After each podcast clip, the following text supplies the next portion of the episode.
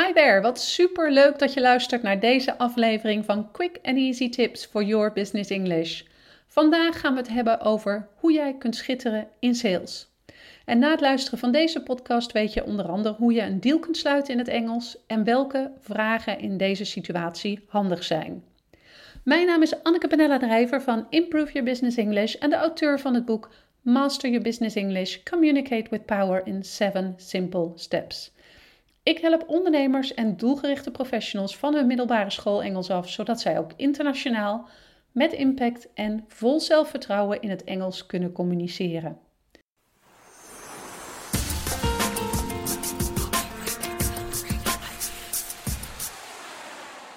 Vandaag leg ik je uit hoe je een deal sluit in het Engels.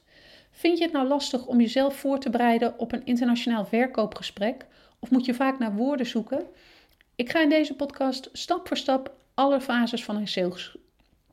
Ik ga in deze podcast stap voor stap alle fases van een salesgesprek door en daarbij behandel ik ook de voorbereiding op een gesprek.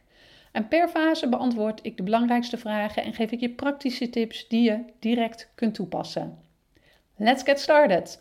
We beginnen met de voorbereiding. De eerste vraag die ik voor je beantwoord is: hoe schitter ik in een salesgesprek terwijl ik niet goed ben in Engels?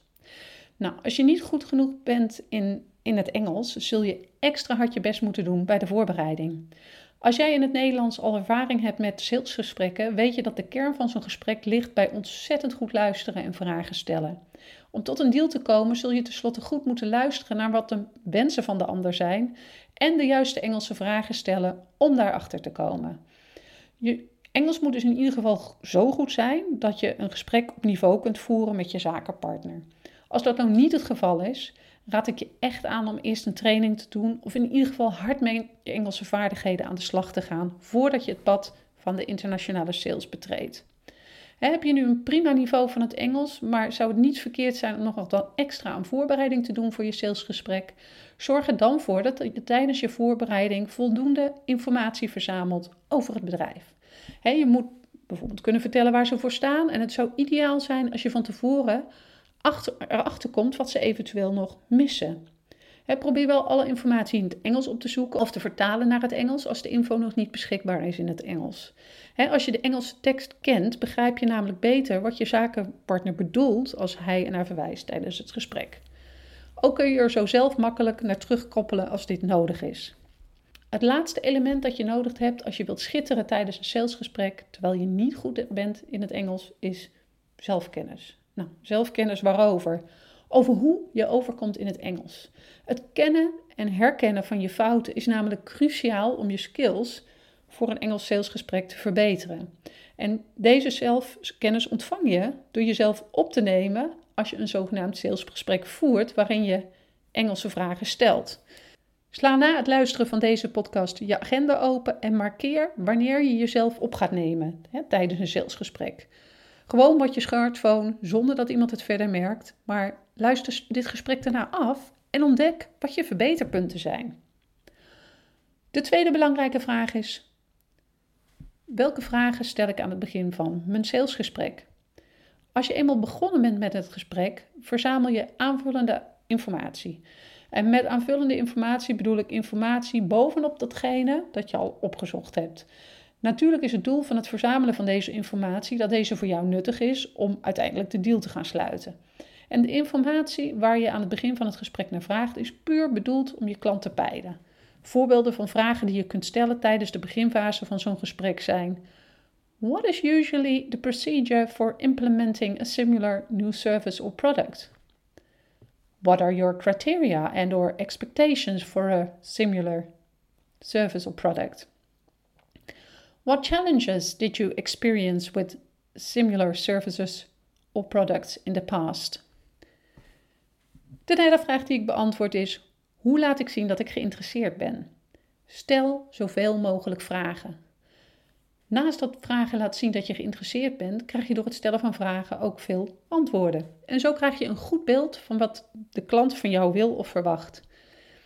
Vergeet niet dat de klant op zoek is naar interesse, meedenken, betrokkenheid en begrip. En dat deze aspecten zorgen voor het creëren van een vertrouwensband. Handige voorbeeldvragen zijn: How have the current market trends been affecting your company? What are the company's biggest priorities at this time and why? What would you like to see further developed or improved? Zorg er verder voor dat je niet als een soort robot alle vragen afwerkt die je moet afwerken, maar luister geduldig naar de antwoorden die de klant geeft. Maar toon ook geen gemaakte, overdreven interesse door overal great of awesome op te antwoorden. Dan kan het zijn dat je onoprecht overkomt. De vierde vraag is: wat zijn voorbeelden van vervolgvragen die je kan stellen? Dit zijn een aantal vragen die je altijd kunt stellen om een beter beeld ergens van te krijgen. Bijvoorbeeld: What does that mean? Do you have an example of that for me? Can you tell me more about this? En de vijfde en laatste vraag die ik voor je beantwoord is: welke vragen stel ik richting het einde van het salesgesprek? Aan het einde van een verkoopgesprek heb je, als het goed is, alle algemene informatie al behandeld. Daarom kun je dan overgaan op specifiekere vragen. Zo peil je nog beter wat je klant wil. En de volgende vragen kun je bijvoorbeeld stellen om achter de behoeften van je klant te komen. What concerns does the company have? Are there any other factors that need to be addressed before moving forward? Has the company established a budget for the acquisition of this kind of service or product? En daarnaast raad ik je aan om tegen het einde van het gesprek, als je die deal wilt gaan closen, gesloten vragen gaat stellen. Waarom? Gesloten vragen kunnen alleen maar beantwoord worden met ja of nee. En daarom brengen zij het gesprek naar beslissing. Ideaal dus als je het gesprek specifieker wilt maken of als je op zoek bent naar een concrete beslissing. Gesloten vragen beginnen vaak met werkwoorden zoals are, will, is, have of did. Voorbeelden zijn: Will you be making a decision within the next week? Do you like what I just showed you? Op deze manier moet de ontvanger direct een positie innemen of een beslissing maken.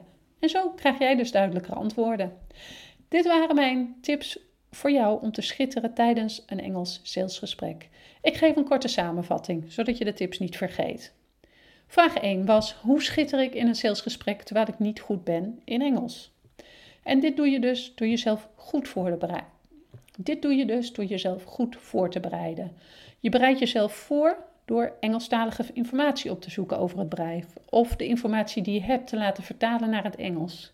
En daarnaast probeer je om jezelf een keer op te nemen terwijl je een salesgesprek houdt.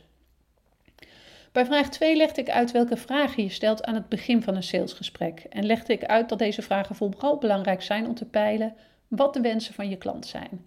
De voorbeeldvragen die ik noemde zijn terug te vinden op mijn site via de link in de tekst bij deze podcast. Vraag 3 was: hoe laat ik zien dat ik geïnteresseerd ben? Zoek een middenweg. Wees geen robot die vraag na vraag afvuurt, maar roep ook geen great of awesome na elke vraag. Zo, kan, zo kun je namelijk onoprecht overkomen. En ook hierbij horen voorbeeldvragen die je kunt vinden op de site. Dat geldt ook voor vraag 4. Wat zijn voorbeelden van vervolgvragen die ik kan stellen? De conclusie bij vraag 5. Welke vragen stel ik richting het einde van het salesgesprek? Is dat je vooral gesloten vragen moet stellen als je naar een beslissing toewerkt. En dan wil ik je heel veel succes wensen met het schitteren tijdens je volgende salesgesprek. Vergeet niet als voorbereiding je eigen vragen eens op te nemen om erachter te komen hoe je nou eigenlijk klinkt. In de volgende podcast neem ik je graag mee naar een sollicitatiegesprek. Kan heel erg confronterend zijn. Maar voor nu, see you next time met quick and easy tips for your business English.